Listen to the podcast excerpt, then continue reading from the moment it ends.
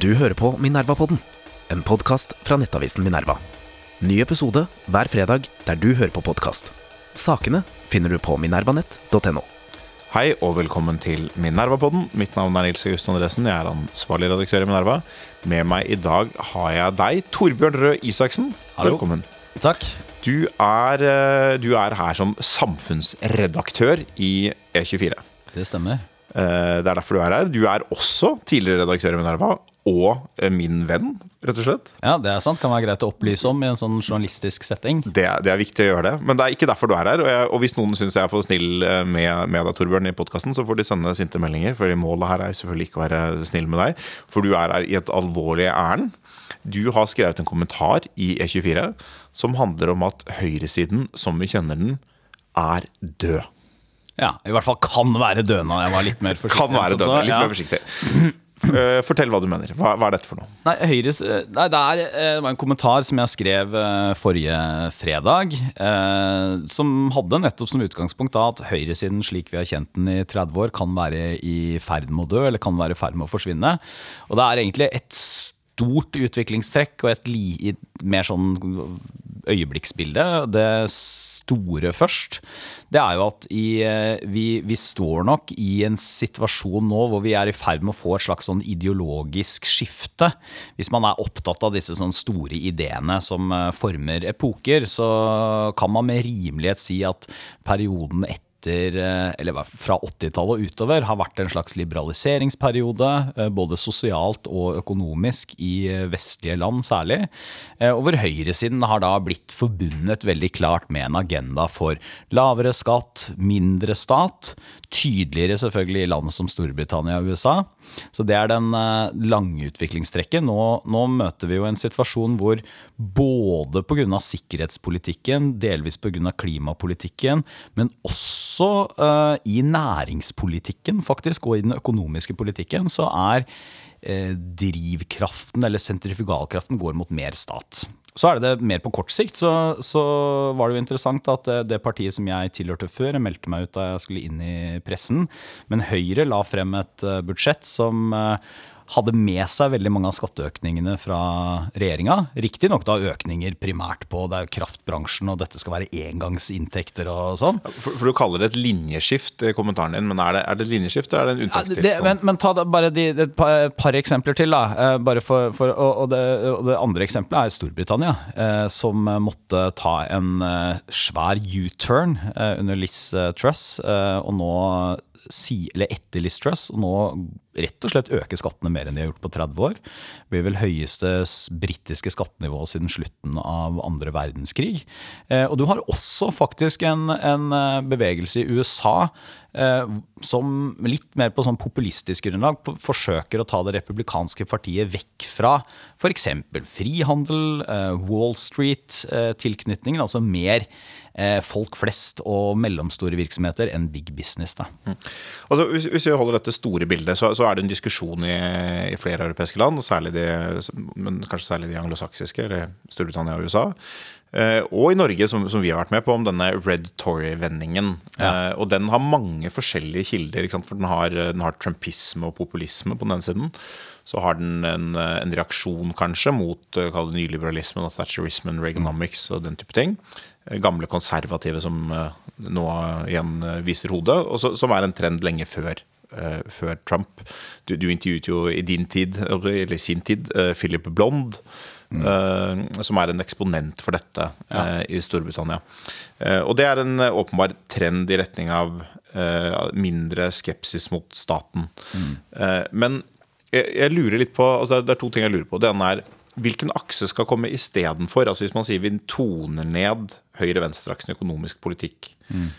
hva skjer med vestlige demokratier hvis vi gjør det? Det er det ene spørsmålet. Og det andre spørsmålet er eh, skyldes eh, dette at man har endret veldig stort syn på statens utgifter, eller er det på en måte at det ikke, at det ikke lenger går å kutte skattene hvis man ikke gjør noe med utgiftene? Ja. Vi kan, hvis vi tar det siste først, eh, kanskje bare Det er Noen eh, høyrepartier har kuttet utgifter. Thatcher kuttet utgiftene, f.eks. Om det var klokt, et annet spørsmål. Det, ble, det skapte en del, en del utfordringer. Reagan kuttet ikke utgiftene. Altså Statens andel av BNP gikk Brukte opp. de på en annen måte. Han brukte dem på en annen mer måte. pappastat og mer militære Ja, Noen grad. I Ja. noen grad. Men statens andel av BNP gikk opp. Og en utfordring på, for, for den eh, for, for den høyresiden som nå kanskje kommer til slutten, er at man har hatt en retorikk om at man kutter utgifter og kutter skatter. Men i realiteten har man ikke kuttet utgifter. Og det, det gjelder jo også Erna Solbergs regjering. At man, Ja. man har kuttet skattene i noen grad, men man kuttet ikke utgiftene. Nei. Og over Nei, altså- tid så går jo ikke det. Ikke? Og, og det man kommer til nå, er en erkjennelse av at det ikke går.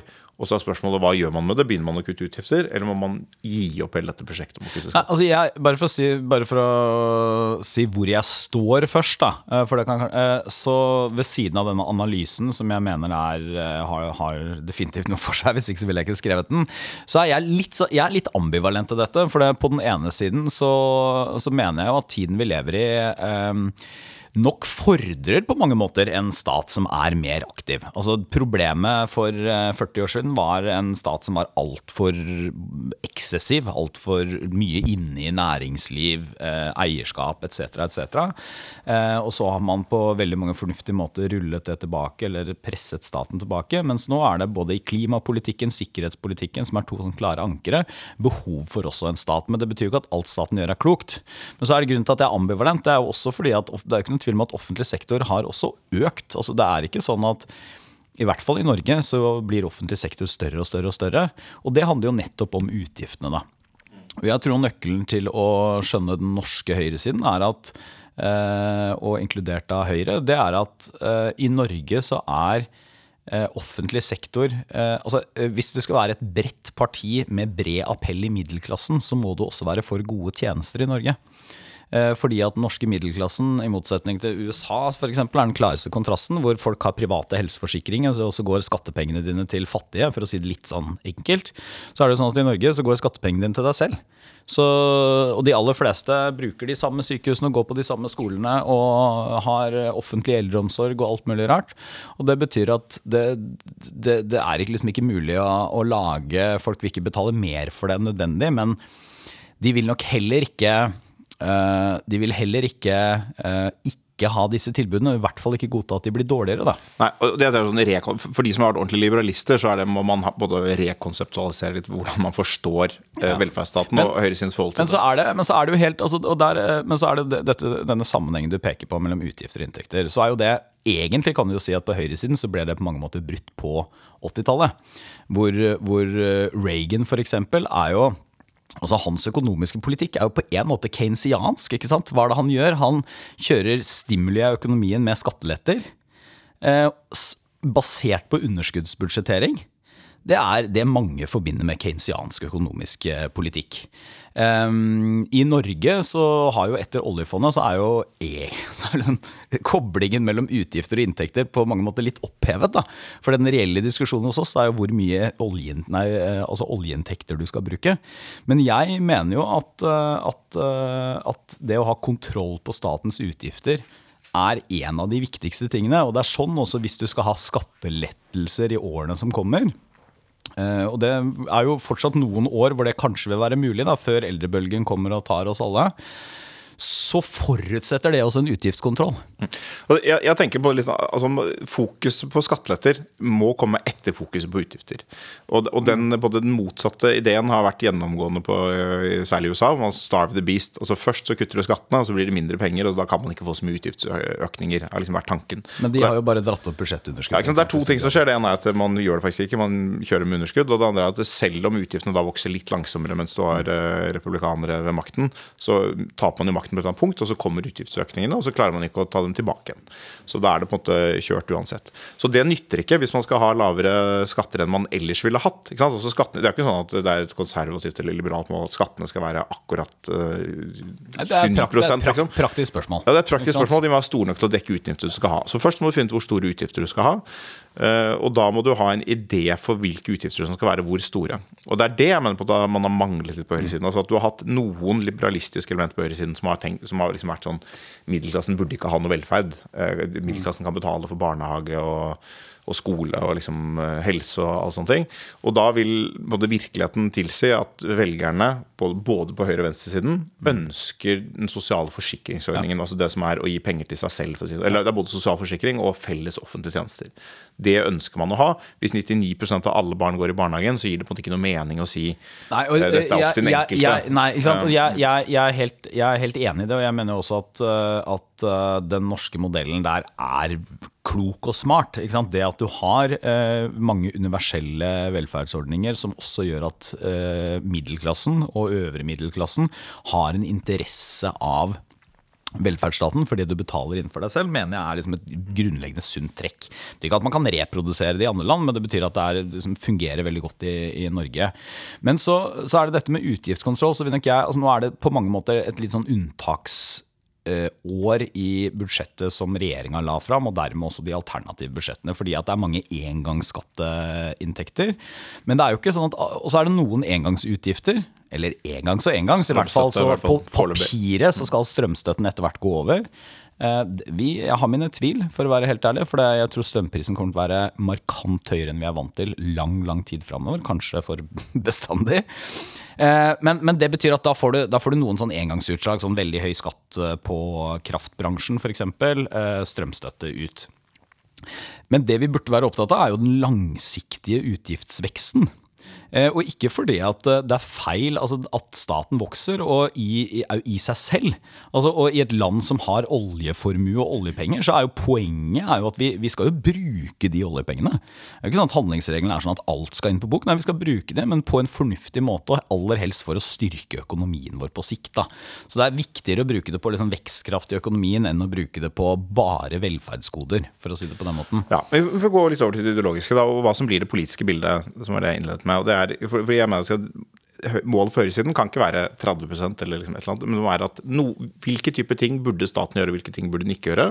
Og hvordan kan man som et resultat av det få lavere skatter enn man ellers ville hatt? Altså større privat initiativ, større middelklasseansvar for noen ting. Altså Ja, for, være for kulturlivet, for, for visse typer ting. Ikke for helse og skole og den type ting. Man må finne ut hva det er. Men da er spørsmålet, Hvis man ikke har den type eh, vesentlige forskjeller i politikken, hva mener man da egentlig er aksen? da? Ikke sant? Fordi Hvis du ser på, hvis du går til USA, da, hvis du, du har hatt tendenser til, selv om de fortsatt har en del utgiftskutt og skattekutt og sånn i, i, i programmet sitt, så, så ser man en tendens til at høyre- og venstresiden bytter en del velgere. Ikke? At du får velgere som overhodet ikke er opptatt av liberal økonomisk politikk eller liberale verdier, går over til høyresiden pga. kulturelt konservative eller den, den type verdier. Eh, Og det, og det så tolker man på The Red Tory-tradisjonen inn i det. Altså det er en sterk stat, eh, masse forsvar, nei til innvandring, forsvar for eh, nasjonale verdier osv. Det er det som er høyresiden. Og jeg tenker, For meg så er det to problemer med en, en sånn høyreside. Det ene er at den den bidrar til, Hvis det er aksen, så er det en veldig veldig, veldig konfliktfylt akse som kobler seg på identitet. Som blir eh, liksom en affektiv polarisering, som kan være en utfordring for demokratiet å håndtere, for det blir så fiendtlig. Det ser vi jo i USA. Eh, Det andre er på en måte at hele den liberale høyresiden eh, bare blir da blir helt uten noe hjem, da, for å si det sånn. Så Ja. Den finner da ikke noe De liberale verdiene Men, men jeg tror det kommer litt an på liksom, hvilket nivå vi er på. Altså, eh, alle, For partienes del da, så vil partiene alltid være koalisjoner. Så, uh, så spørsmålet sånn for, for alle de partiene som er på borgerlig side nå, i den grad målet er å, å ikke tape mot andre borgerlige partier, i hvert fall, så er det jo, så er det at du er, du er bedre enn alternativet. ikke sant? Det, det er helt tiden målet. Men, uh, men jeg tror ikke den økonomiske konfliktaksen blir borte. Eh, men jeg tror at den får eh, med, hvis, hvis det er sånn at vi kommer til å se mer av dette fremover, da. Mm.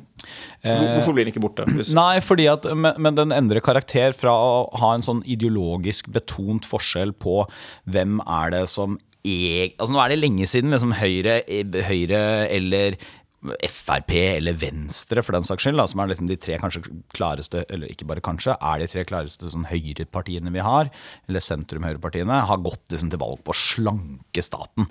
Altså Den retorikken må du nesten 20 år tilbake for å finne sånn ordentlig.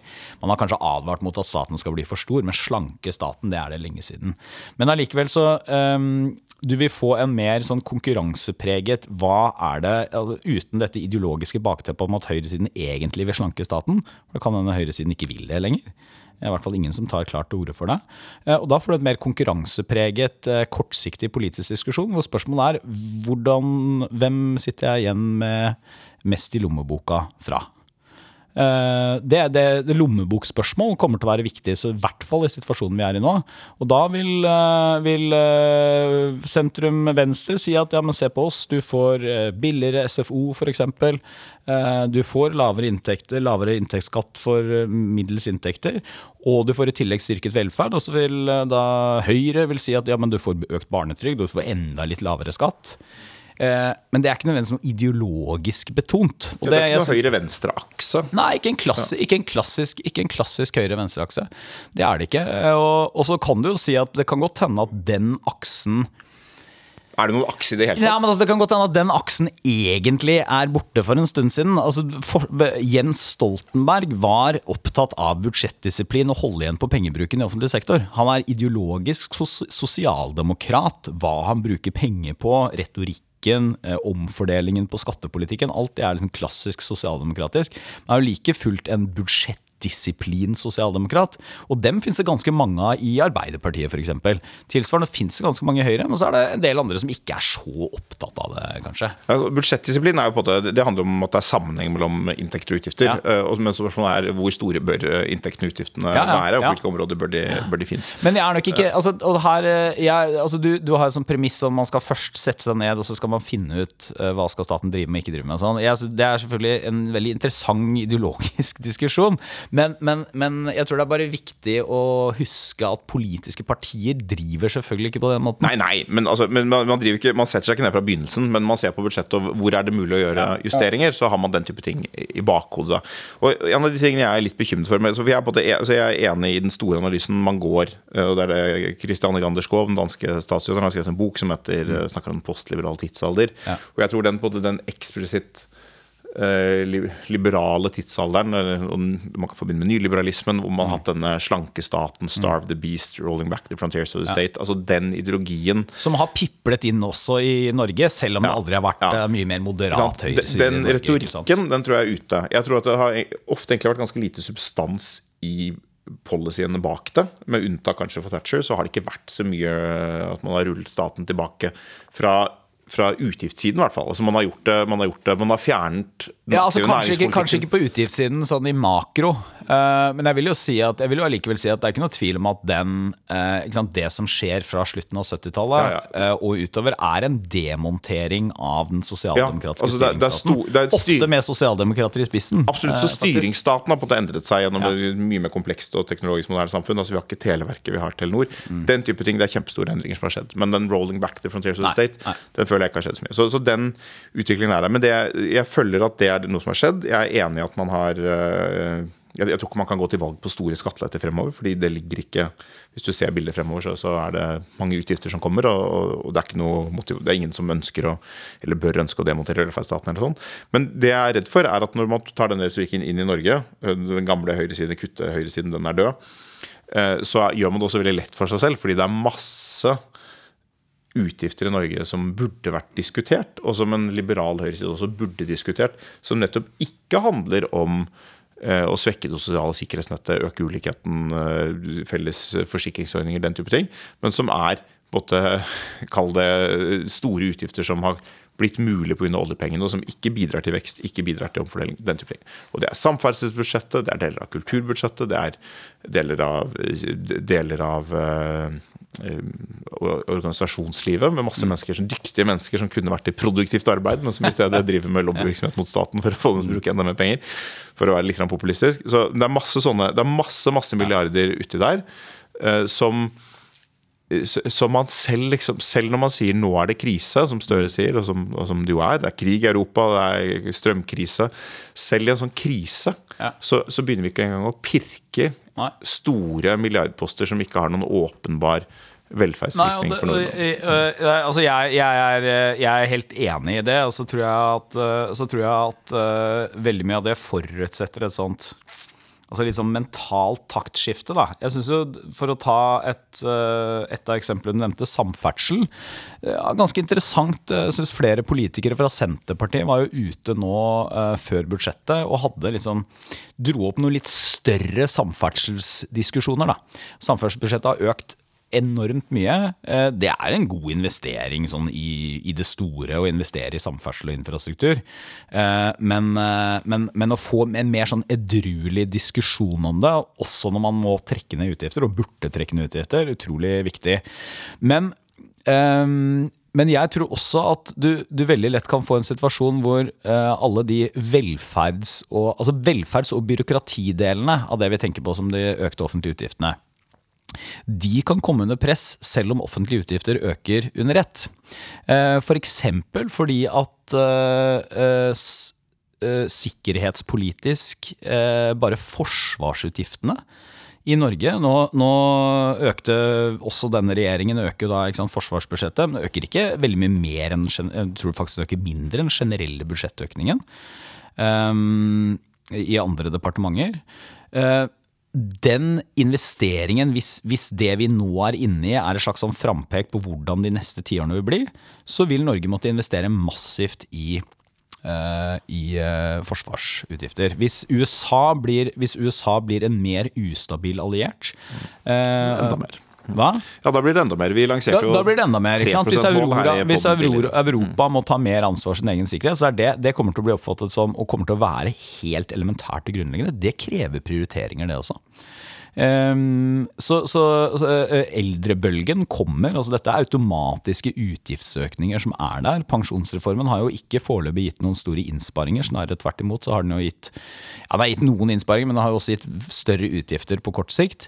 Um, eh, politi, eh, tilpasning til, til nye sikkerhetstrusler internt. altså Alt dette kommer til å gi store utgifter som ikke handler om skole og helse og barnehage. Nei, nei, nei, ikke sant? Så, så, det var det jeg sa i sted. Det er, derfor, det er det jeg mente når man, si hva, når man skal tenke sånn konseptuelt. Hva er det staten må gjøre, hva er det den ikke må gjøre. Ja. Man må finne ut av det først før man ja, men, i, den men, forstand, men, i, den, forstand, i, den forstand, du gjør nå, ikke sant? at ja. du sier at det, det, kommer til å komme en del utgifter. Det, betyr, det er ikke noe stort rom for å kutte skattene. Men det gjør det enda viktigere å identifisere de tingene som ja, altså man, man, ikke kan, trenger. Man, man, kan jo redusere skattene. altså Der også er det et sånn praktisk spørsmål. Ikke sant? Så skattenivået altså En ting er nå at, eh, at, eh, jeg også har jo en sånn uh, ideologisk tanke om at skattene må være så høye som nødvendig, så lave som mulig. Ikke sant? Det, det tror jeg de fleste uh, som har en eller annen tilhørighet på høyresiden vil ha. Uh, men så er det jo også et praktisk spørsmål. Ikke sant? Man må ha et skattesystem som gir mest mulig verdiskaping og inntekter. Så Det er et annet spørsmål.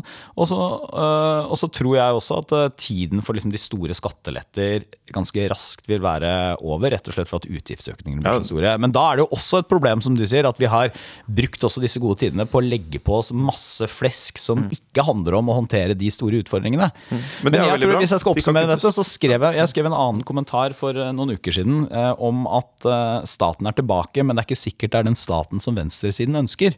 Fordi eh, det vi ser konturene av, er jo pappastatens comeback. Mammastaten er velferdsordninger og barnehage og disse tingene. Pappastaten det er lov og orden, det er forsvar. Eh, det er harde investeringer i økonomien for å få kraft eh, økonomisk. Det er, det er der liksom den store trenden både i USA nå, store utgiftsøkninger på pappastat, altså subsidier til næringslivet, rett og slett. Og uh, i Europa også. Så er det der liksom den store debatten ligger, ikke på velferdsordninger, egentlig. Nei da, altså det er jo litt flytende overgang med subsidier til grønn kraft og Ja, ja, altså dette er, uh, og det er, det er masse unødvendige utgifter. Men, men la meg gi deg en annen, en annen utfordring. fordi nå er det et spørsmål her. Er du nå på en måte en, den første av Høyres eh, profeter, eller høyresidens profeter, som ser at eh, den, denne gamle høyresiden som kom fra, den er det nå slutt på, vi må finne på noe nytt? Eller er du på en måte er du den siste? Er du Richard Nixon? Den siste, som, opp, den siste, som, opp, ja. Men siste som oppdager at høyresiden har jo ikke kuttet utgifter på, på, på lang, lang tid. Så nå må vi opp. Uh, grunnen til at vi ser at vi har snakket om det her i, i redaksjonen, at um, når er det skattene begynner når, når det kommer et press for å redusere ja. skattene? Ja. Og Det er typisk når kjøpekraften kommer under ja. press. Og Det er en veldig enkel sammenheng. at Jo rikere et land blir, jo mer penger er man villig til å bruke på offentlig men, velferd. Men at...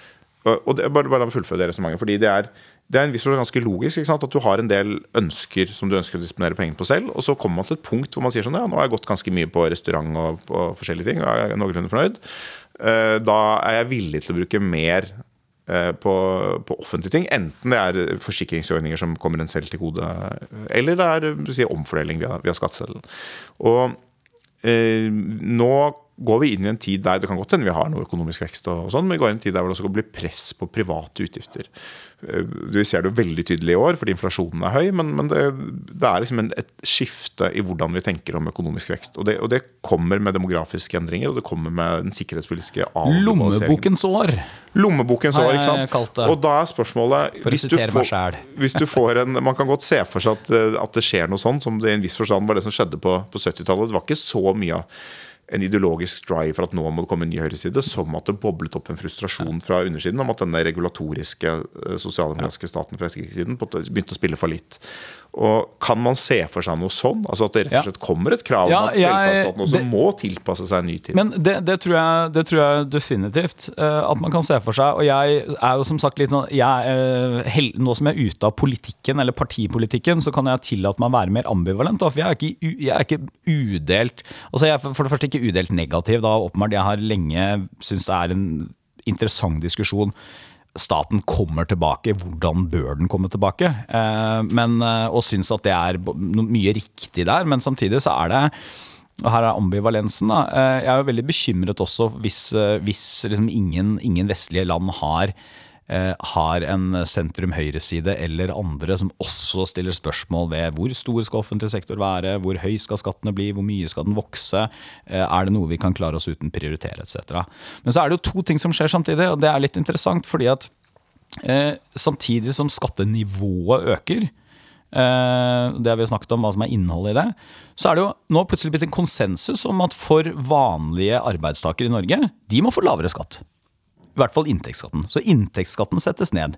Og den tror jeg ikke Jeg tror det er veldig vanskelig for eh, for, også for venstresiden å om tre år si at nei, men inntektsskatten skal nå opp igjen, for nå går det så bra for folk. For da må du øke skattene direkte på folks lommebok.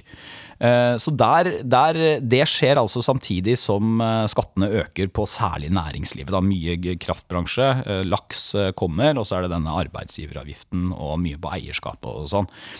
Men jeg tror også at du kan se konturene nå, særlig i, i norsk privat næringsliv, av, av en type sånn vi har det stramt, hvorfor prioriterer ikke offentlig sektor klarere? Nå sendes alle regningene til oss. Og det er et eh, potensielt sånn opprør er kanskje et sterkt ord, men en reaksjon som, bli, eh, som er mye sterkere enn bare at noen rike mennesker er sure fordi at skattene øker. Eh, det var intervju med en i Fri fagbevegelse, som er sånn LO-media, men uavhengig av vi, som intervjua en, en som hadde gått fra Arbeiderpartiet til Høyre. Eh, Starta en elvirksomhet, altså elektrikervirksomhet. Eh, Ca. 70 millioner i omsetning. Eh, men en klasse sånn Arbeiderparti-bakgrunn-velger som nå bytter. Og mange av de ansatte var også intervjua, sier det samme. Eh, når vår bedrift blir skattlagt hardere, eller vår eier blir skattlagt mye hardere, så påvirker det også våre arbeidsplasser. Så det er ehm, eh, det er, det er åpenbart liksom potensial også i dette. Og der er det dristige ting. Det var interessant f.eks. at Høyre øker jo drivstoffavgiften. Jeg øh, syns også det var interessant at faktisk at eh, drivstoffavgiftene skulle ned ytterligere med, med budsjettforliket med SV. Det hadde ikke jeg trodd. må Jeg, innrømme. jeg trodde aldri SV ville gå med på det, selv om de får noe, de får noe biodieselinnblanding og sånn.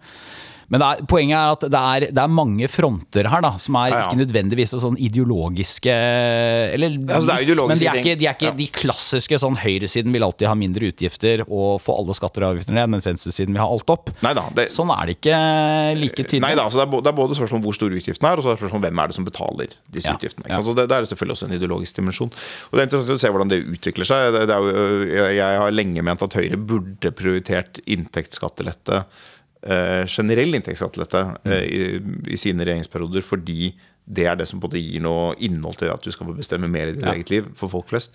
Men utføringen blir selvfølgelig når, det, når du får en sånn konsensus om at uh, vanlige folk, som nå er da de som tjener under hva er det, 800 000 eller noe sånt. 750 000. 000. SV er litt rause, de sier under 800 000. Ja. det, det er jo en veldig interessant utvikling, hvor du får en sånn todeling da, hvor, som i en viss forstand er farlig for høyresiden. Hvor, du, hvor vanlige folk skal hele tiden få lavere skatt, og så må det hentes inn noe sted, og så blir det da på, på de rike. Og så får du større og større omfordeling uh, i skatteseddelen, litt sånn som du har hatt i USA, hvor, hvor du ender med opp med at veldig mange betaler nesten ingen skatt. Ja. Eh, Mens uh, Men, men der har du jo det motsatte. Altså der har du hatt et veldig regressivt skattesystem. Da. Altså at du betaler jo mindre og mindre jo rikere du blir. Ja, De superrike betaler litt, Ikke sant? Men, men, men du Ja. har en kjempestor andel som ikke betaler føderal Men, men det som har skjedd i eh, Norge, er vel altså det, det som er eh, en, eh, Som ofte skjer også, det er, jo man, eh, det er jo at man setter ned skattenivået, men øker avgiftene, f.eks. Mm. Det er regressivt også.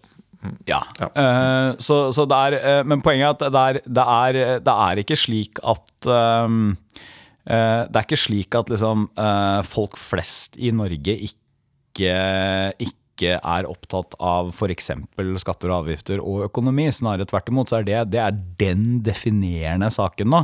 Og en av de tinga som er nytt for venstresida, tror jeg, det er at for, eh, i, I perioder hvor folk føler at de har god råd, grei reallønnsvekst og sånn, så kan du si at vi styrker velferden. Det er det viktigste. Men nå holder ikke det. ikke? Når du, når du opplever at kjøpekraften din blir lavere, så det ikke, hjelper det ikke bare at eh, sykehusene blir bedre. Eller, er du, trenger, eh, du trenger også tiltak som går rett inn i lommeboka, men da, da er jo SV sier jo da SFO, for eksempel. Og det er klart at det, det er jo noe som, det er en utgift. Alle vi som har småbarn vet jo at det, det treffer lommeboka. da. Derfor Høyre nå går inn for barnetrygdøkning f.eks. De begrunner jo utelukkende økonomisk. Ja, selvfølgelig. Ja, så, men, men inn i det bildet så det er jo det jeg sa. Inn i det bildet så kommer jo også skattekutt. Fordi du, du kan ha barnehagetillegg, du kan ha SFO, eh, som treffer noen grupper, men det veldig mange de ikke treffer. Eh, Og så kan du selvfølgelig finne 40 tiltak som til sammen treffer alle. Men da er spørsmålet om man ikke like gjerne kunne gitt skattelette, da. Ja, altså det, og det, det kunne du jo kanskje, men så er det jo igjen sånn kjernen i Altså Jeg er veldig nysgjerrig på hvordan dette vil utvikle seg. Eh, For at Kjernen i dette er jo at nå har du igjen tilbake til bare utgangspunktet i Norge, som er at vi har, vi har både, et, både regjeringas budsjett og det største opposisjonspartiets budsjett øker skattene, eh, men veldig mye av det skal være engangs- eller midlertidige, fordi at utgiftene skal være midlertidige. Jeg er veldig nysgjerrig på om de utgiftene vil være midlertidige. og det betyr også, og Pluss at samtidig som du har den pakka, så vil også veldig mange av utgift, altså Det vil også komme mange utgiftsøkninger i statsbudsjettene fremover. Flyktningsituasjonen øker massivt kostnadene nå. Eldrebølgen øker kostnadene. Det er et massivt kostnadspress i helsevesenet pga. nye behandlingsmetoder og en aldrende befolkning. Alle disse tingene vil også spise opp handlingsrom. Så, så, så jeg tror at det bli Det kommer til å bli Nesten uansett så kommer det til å bli tøffere prioriteringer i norsk politikk framover. Eh, hvis ikke det da kommer en massiv resesjon, sånn at politikerne kan bruke mer penger som gode keynesianister. Keynesianere. Og da Det kan man ikke gjøre Godt å sitte i regjering og dårlig å være folk. Men hvordan ser, du for deg, hvordan ser du for deg at den nye høyresiden eventuelt eh, da blir? Altså, bli, Vil den da i en viss forstand måtte gå eh, altså, En ting er å ha en sånn konkurranse om hvem som er mest kompetent, en som klarer å gjøre liksom mest, eh, styre best osv. Det er kanskje noe som rammer Støre nå. Men uh, ser du for deg at man får en glidning mot uh, en sånn mer kulturelt konservativ, litt mer populistisk høyreside? Som, Ja, altså til, til, til, til en viss grad, men jeg tror ikke, jeg tror ikke igjen sånn jeg, jeg tror det bare sånn måtelig ligger for Høyre. Og så tror jeg at venstresida i Norge er De er smarte nok til å se at dette ikke er konflikter de vil nøre opp under. Og både Rødt og SV for eksempel, har jo veldig tydelige strategier, oppfatter jeg, på å ikke eh, gå, eh, liksom krasje inn i alle disse såkalte kulturdebattene og moraldebattene og sånn. Altså, de skal holde, holde, holde, holde Men hva skal høyresida konkurrere på da? Altså, hva, Nei, hva altså, er det man det- kan konkurrere på? Uh, nei, det, det må jo være en type Da er det jo en type kompetanse, men også, en, også et mer pappastatssaker. Uh, med forsvar og politi og lov og orden, og, og i og for seg økonomi og vekst også. Hvis, hvis du Men, at du skal gå men, eh, men, eh, men, men jeg mener jo også at, eh, at høyresida burde konkurrere på å ikke bare Altså Jeg tror ikke det er realistisk å få ned Altså sånn på sikt. Vi kan få ned selvfølgelig offentlighets andel av eh, BNP etter en koronakrise hvor det har vokst til gigantnivåer. Men å få det liksom massivt ned, det tror jeg verken er mulig eller ønskelig. Men, men man må også konkurrere på eh, en større altså en skepsis til at eh, til liksom stadig utbredt eh, byråkrati og velferdsstat. Så hvis du tenker at du skal gå ut og, og verve ungdommer som ikke kan noe om politikken, hvorfor skal du bli med Høyre? Så må, vil du si det, men det er ikke min jobb å Nei, nei, nei, jeg altså, tenker, hva, er- hva skal man si? Da må vi si sånn som Stem Høyre, bli med Høyre. Vi er for litt langsommere vekt vekst i offentlige utgifter og litt mer av det skal gå til forsvar. Ja, men, så, ja, men helt alvorlig. Er det ikke, Jo, er det ikke da, nei, men det må liksom det greit, ja, ja, altså det, eh, det må liksom Høyre, Høyre må finne ut det. Da. Det er liksom ikke min jobb å finne ut hvordan Høyre skal få velgere lenger. Men jeg tror eh, mer som en sånn eh, Som en konservativ mann som nå sitter utenfor partipolitikken, så tror jeg kanskje enn like viktig er at man opprettholder en sånn type infrastruktur på høyresiden hvor de forskjellige perspektivene møtes og brynes. da. Det, jeg innrømme jeg har ikke noe sånn klart, i hvert fall ikke noe klart svar på dette som, som ville gjort at et parti vant et valg. Eh, det, det er en helt annen måte å tenke på.